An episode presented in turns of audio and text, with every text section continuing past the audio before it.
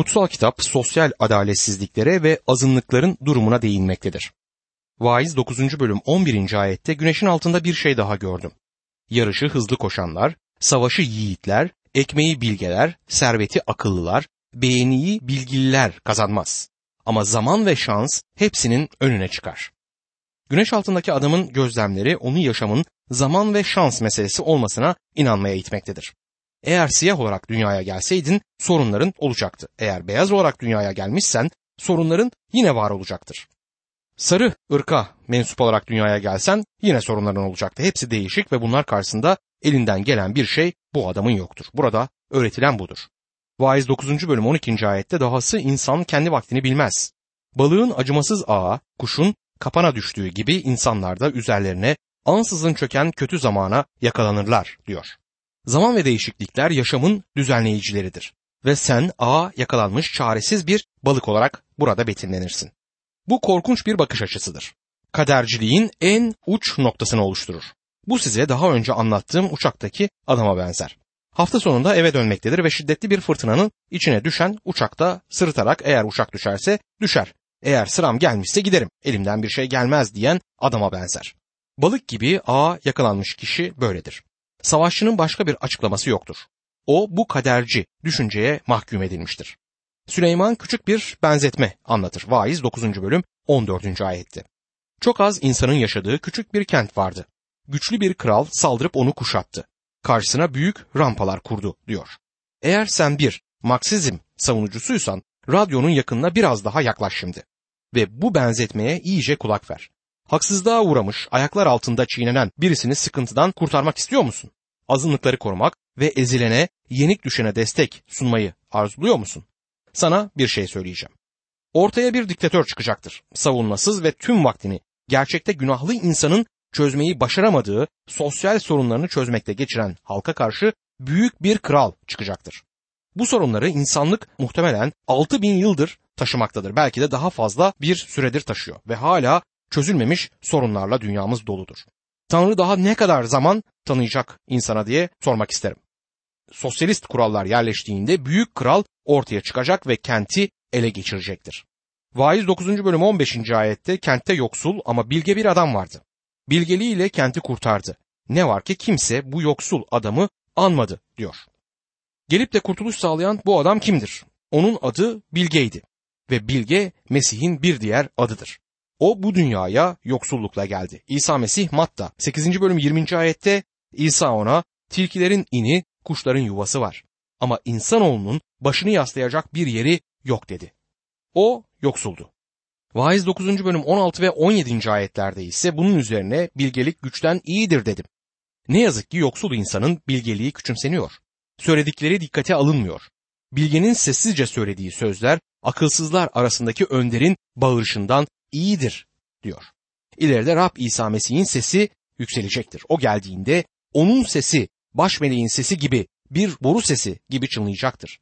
Dünyada bir sürü ses kendisini işittirmektedir bugün ama gelecek zamanda İsa Mesih'in sesi bu dünyayı yönetecektir. Vaiz 9. bölüm 18. ayette bilgelik silahtan iyidir ama bir deli çıkar her şeyi berbat eder diyor. Bu bölümde söylediklerinin tümünün bir sonucu budur. Bilgelik silahtan iyidir ve Mesih atom enerjisinden iyidir. Bilgelik silahtan iyidir. Yıllar önce gemiyle bir okyanus yolculuğu yaptım. Limana ulaştığımız o sabahı asla unutmam. Koca gemiyi iskeleye yanaştırabilmek kolay bir iş değildi. Pilot o pervasız okyanusu açtı. Bunu nasıl becermişti? Yıllar önce bir Grek geometricisinin bulduğu prensiplerden yararlanmıştı sadece. Yaptığı buydu. Bilgelik silahtan iyidir. Ama bir deli çıkar her şeyi berbat eder diyor kutsal kitapta. Bu arada her bireye olan büyük etki göze çarpmaktadır. Eğer yapılan kötü yolda isek etkisi o denli daha büyük olacaktır. Tarih bunu bize açıklıkla göstermektedir. Adem günah işledi ve onun günahı tüm insan soyuna bir kene gibi yapıştı. Ahan günah işledi ve onun yüzünden koca bir ulus bozguna uğradı. Zafer kazanabilmeleri için önce Ahan'ın günahıyla uğraşmaları gerekiyordu. Rehoboam'ın günahı İsrail krallığını dağıttı. Hananya ve Safira'nın günahı ilk kiliseye günah tohumunu soktu ve o gün bugün kilise başlangıçtaki gücünü taşımamaktadır. Senin ve benim etkimiz var. İyi ya da kötü yolda bunu kullanabiliriz. Kim olursan ol, etkin var. Romalılar 14. bölüm 7. ayette hiçbirimiz kendimiz için yaşamayız. Hiçbirimiz de kendimiz için ölmeyiz diyor. Herkes bir vaizdir ve hiç kimse vaiz olmaktan kaçamaz. Kilisenin bir sokak altında annesiyle aynı yerde oturan ve alkolik olan bir adama aynı bildiride bulundum. Annesinin oğlu yüzünden boynu büküktü. Bana oğluyla Mesih İsa'ya ilişkin konuşmamı rica etti. Bir gün kutsal kitap çalışması sırasında onu yanıma aldım. İçmişti ama tam sarhoş henüz değildi. Yüreği yaralı annesi hakkında konuştum ve ona yaşamın nedenli anlamsız ve hiçlik içinde olduğunu anlattım. Hiç tepki göstermedi, oturdu ve yalnızca dinledi. Sonra ona sordum. Bir vaiz olduğunu biliyor musun? Bunun üzerine ayağa kalktı ve yumruğunu savurdu. Öyle tahmin ediyorum bana vurmaya çalıştı. Bana vaiz diyemezsin. Ona her adı yakıştırmama ses çıkartmadı ama vaiz adına tepki gösteriyordu. Sevgili dinleyicim, her birimiz birer vaiziz. Etrafında olan kişilere yaşadığın yaşamı vaaz etmektesin. Kişisel olarak inanıyorum ki, sevapların peşinden giden, Tanrı'dan ayrı yaşadığı moral dünyasında kendini şişiren adam, gerçekte büyük bir kaybın içerisindedir. Gerçekte yolun ortasında durmaktadır ve Tanrı yolunu kesmiştir. Çünkü onun mesajı benim gibi yaşa. Tanrısız yaşıyorum. Sadece iyilik işliyorum. Bundan daha korkutucu, berbat bir şey olamaz. Bir vaizsin. Nasıl bir vaiz olursan ol. Belki çok küçük bir çevren olabilir ama birilerine etkin vardır. Bu bana mısır sepetine bir şişe viski saklayan babayı anımsatır. Her sabah kalktığında o sepete gitmek ve viskisinden içmeye alet edinmişti. Alışmış olduğu üzere yine karlı bir sabah ambarın yolunu tuttu. Ama ardından bir ses duydu bu kez. Arkasına döndüğünde onu izlemiş olan küçük oğlunu gördü. Babasının kardaki ayak izlerine basa basa gelmişti. Burada ne arıyorsun oğlum diye sordu baba. Oğul ayak izlerini izliyorum baba diye yanıtladı. Oğlunu eve gönderdi ve viski şişesini kafasına dikti. O anda oğlunun onun izinden gitmesini istemediğini fark etti. Evinizde birileri sizin ayak izlerinizi takip etmektedir dostum.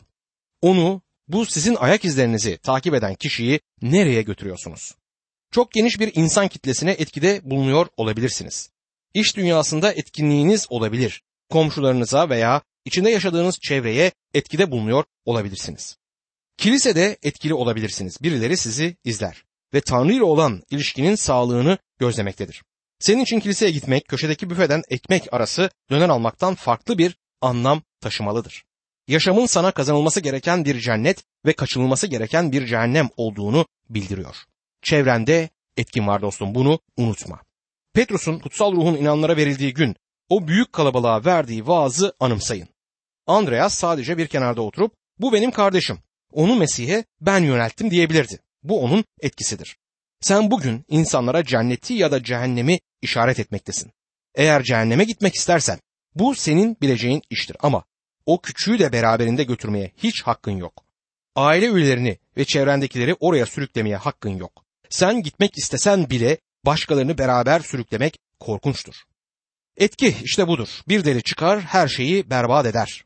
Bu konuya ilişkin seni izleyen insanlara ilişkin ve o insanlara nereyi işaret ettiğine ilişkin dostum düşünmelisin. Vaiz 10. bölümde yaşamdaki adaletsizliklerin kişiyi orta yolu izlemeye ittiğini görmekteyiz. Vaiz 10. bölüm 1. ayette ölü sinekler atların ıtırını kokutur. Biraz aptallık da bilgeliği ve saygınlığı bastırır diyor. Yaşam gerçek resimleriyle, örnekleriyle doludur. Yalnızca bir kezliğine de olsa gece yaşamı yaşam boyu sürecek bir hastalıkla hatta ölümle sonuçlanabilir. Vaizini yaptığım kilisede bulunan bir kişi bana şunları anlattı. Hristiyan bir ailede büyüdüm ve evden hiç uzaklaşmadım. Fakat sonunda evden ayrıldım. İş buldum ve bir gece arkadaşlarla birlikte bir kulübe gittik. O gece böylesi yaşamda ilk gecemdi ve bu gece birçok hastalık kaptım. Evliliğimi erteledim ve çok sevdiğim güzel nişanlımdan da ayrılmalıydım. Süleyman ölü sinekler atların ıtırını kokutur derken buna işaret etmekteydi. Bu çok acıklı bir durumdur. Bir anne oğluna 21 sene bilgi olmayı öğretmekle geçirmiştir ve bu oğlun karşısına bir gece bir kız çıkar ve bu oğlu 5 dakika içinde aptala döndürür. Ne kadar enteresan bir resim.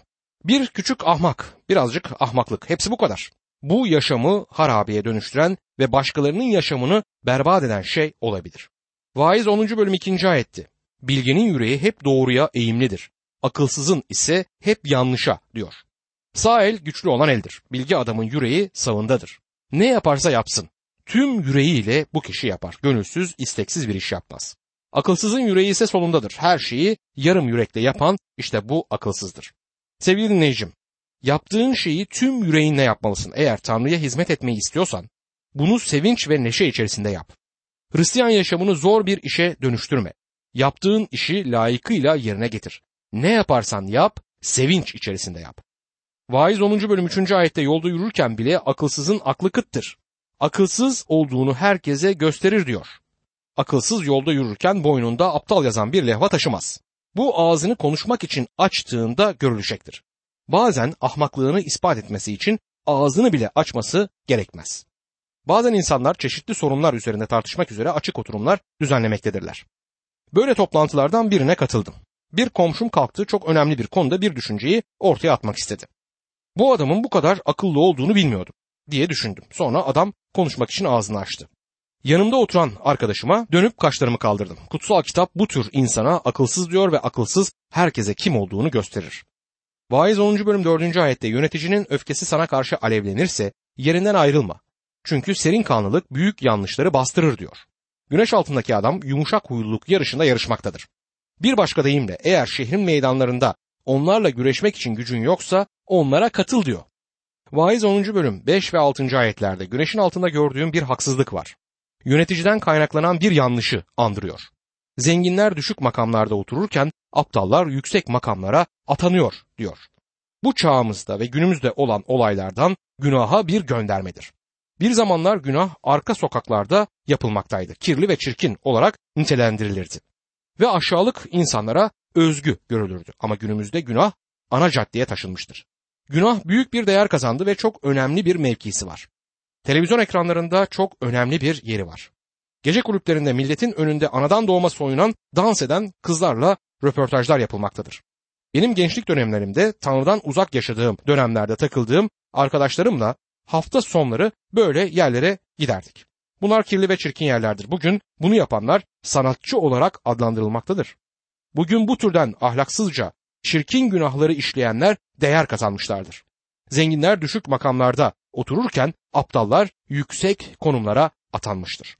Hiç normal bir Mesih inanlısı vatandaşla röportaj yapıldığını işittiniz mi? Bu insanlar içinde yaşadıkları toplumu toplum yapan insanlardır. Bunlarla röportaj yapılmaz. Hayır. Onlar arka plana itilmektedirler. Onları asla duymazsınız. Tüm dikkat günahkarlara ve uç noktada yaşayanlara çevrilmiş durumdadır. Vaiz 10. bölüm 7. ayette köleleri at sırtında, önderleri yerde köleler gibi yürürken gördüm diyor. Sıkı çalışmanın, para biriktirmenin ve geç saatlere dek uğraşmanın anlamı her zaman başarı demek değildir. Kapı komşun olan akılsız biri milyarlarca büyüklüğünde bir mirasa konabilir. Önder ya da prens yaya yürürken köle ata biner. Birçok değerli Mesih inanlısı tanıyorum ki çeşitli ülkelerde, çeşitli kentlerde harika insanlardır. Alçak gönüllüler. Birçoğu sıradan evlerde yaşar. Bazılarının maddi durumları fena değil ama dikkate alınan kişiler değiller. Onlar günümüzün köle gibi yaya yürüyen önderleridir. Bu çok enteresan bir resmi oluşturur. Vaiz 10. bölüm 8. ayette çukur kazan içine kendi düşer. Duvarda gedik açanı yılan sokar diyor. Eğer günahtan bir başka şey elde edebileceğini sanıyorsan ve özellikle Tanrı çocuğuysan sana akılsız olduğunu söylemek isterim. Tanrı hemen bunun yanıtını vermeyebilir ama bekle. Tanrı bunun hesabını mutlak soracaktır. Ben bunu çok uzun yıllar önce gözledim. Hristiyanlar yanlış işlere kalkarlar ve bununla bir şey elde edebileceklerini sanırlar.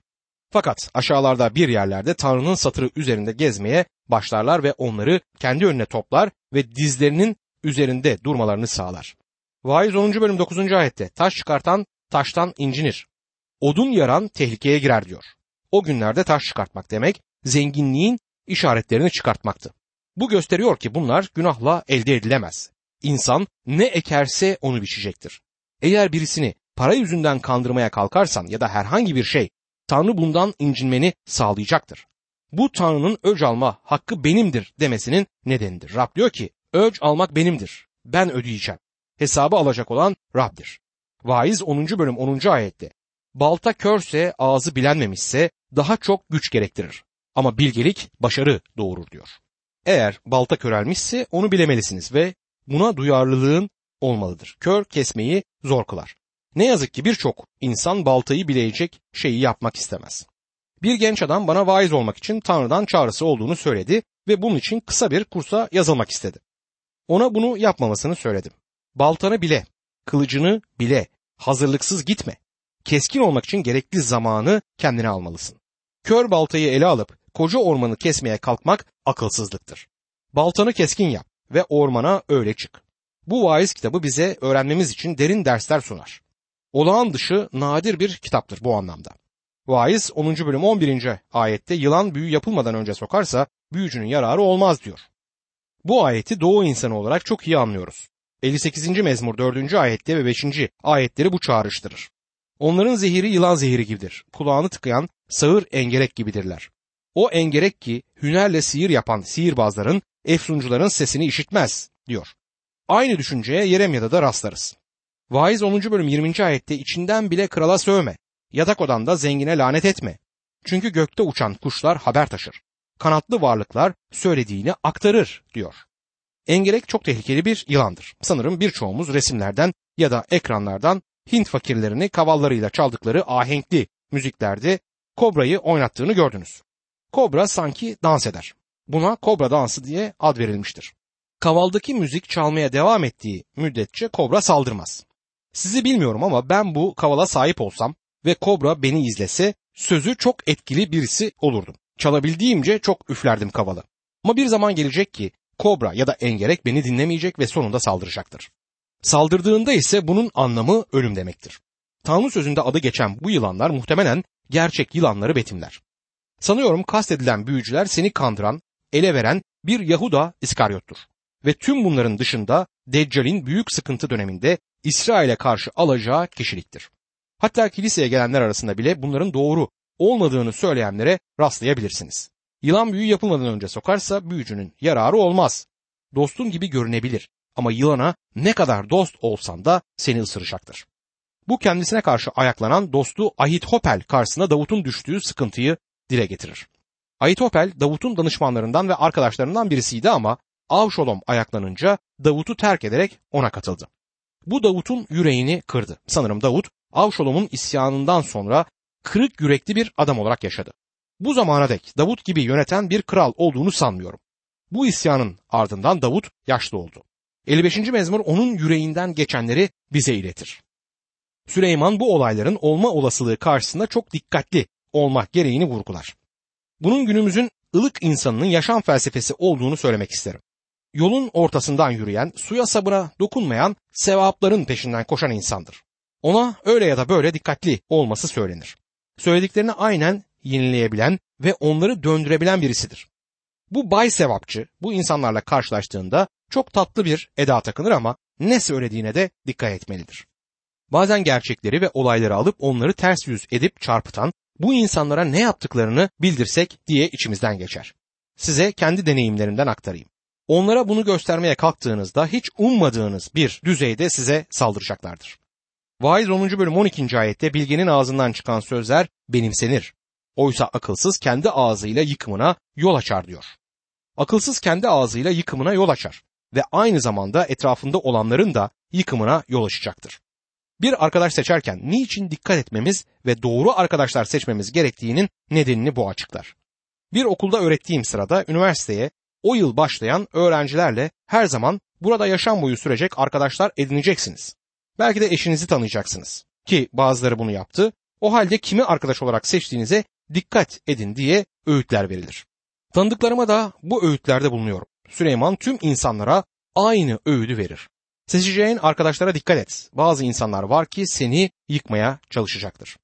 Yılanlara engeleklere benzeyen bazı kişiler var. Eğer onlara karşı iyi davranırsanız onları sakin tutabilirsiniz ve işler bir süre iyi gider. Ama yanlarında nasıl hareket ettiğine dikkat edin. Bu iyi bir öğüttür sevgili dinleyicim. Gördüğünüz gibi bu orta yolcu bir tavırdır. Vaiz 10. bölüm 13 ve 14. ayetlerde sözünün başı aptallık, sonu zır deliliktir. Akılsız konuştukça konuşur. Kimse ne olacağını bilmez. Kim ona kendisinden sonra ne olacağını bildirebilir diye soruyor. Bu oldukça gerçekçidir. Bir toplantıda ortaya atılan bir konu yüzünden tartışma çıktığını belki siz de yaşadınız.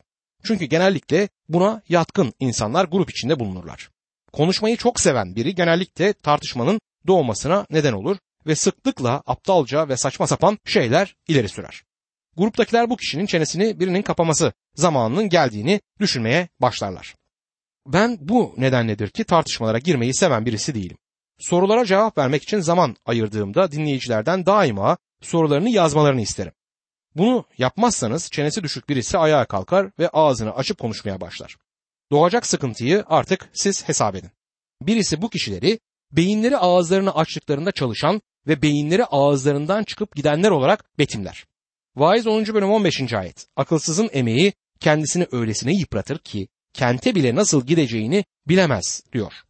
Bugün biz buna akılsız kendisini yağmurdan korumayı akıl etmez diyebiliriz.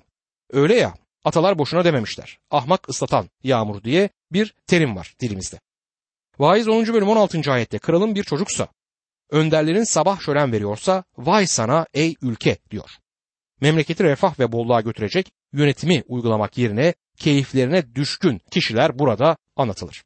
Vaiz 10. bölüm 17. ayette kralın soyluysa, önderlerin sarhoşluk için değil, güçlenmek için vaktinde yemek yiyorsa ne mutlu sana ey ülke diyor.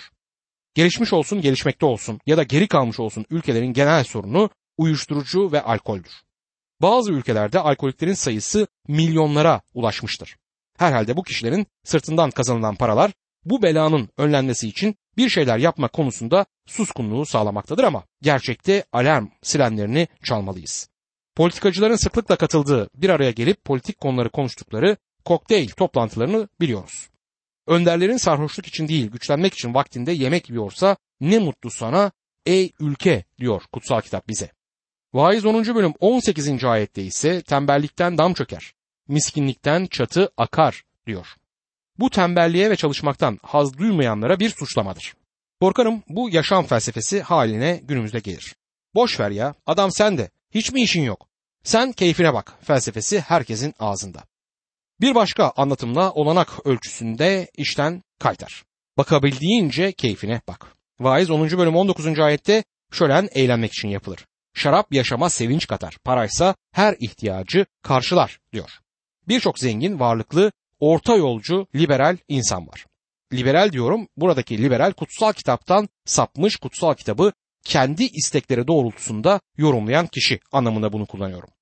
Evet böyle liberal olmak isterler ve şimdi konservatif olmak için çabalarlar. Liberal görüş ya da konservatif görüş bir Hristiyan terimidir ve liberal olmak negatif anlamda yani taviz verenler ve konservatif olmak taviz vermeyen inanlar hakkında kullanılan terimlerdir. Vaiz 10. bölüm 20. ayette İçinden bile krala sövme, yatak odanda zengine lanet etme çünkü gökte uçan kuşlar haber taşır. Kanatlı varlıklar söylediğini aktarır diyor. İçinden bile krala sövme. Politik liderler hakkında ya da bu insanların görüşleri hakkında akla hayale gelmedik karikatürler yapıldığını ve bunların alay konusu edildiğini biliyoruz. Kutsal kitap bize 1. Timoteus 2. bölüm 1 ve 2. ayetlerde her şeyden önce şunu öğütlerim. Tanrı yoluna tam bir bağlılık ve ağır başlılık içinde sakin ve huzurlu bir yaşam sürelim diye krallara, bütün üst yöneticiler dahil, bütün insanlar için dilekler, dualar, yakarışlar ve şükürler sunulsun diyor. Hristiyanların devletleri için, liderleri için, yöneticileri için dua etmelerinin sebebi kutsal kitabın bunu bize buyurmuş olmasıdır. Ülkemiz ve liderlerimiz için dua etmeliyiz.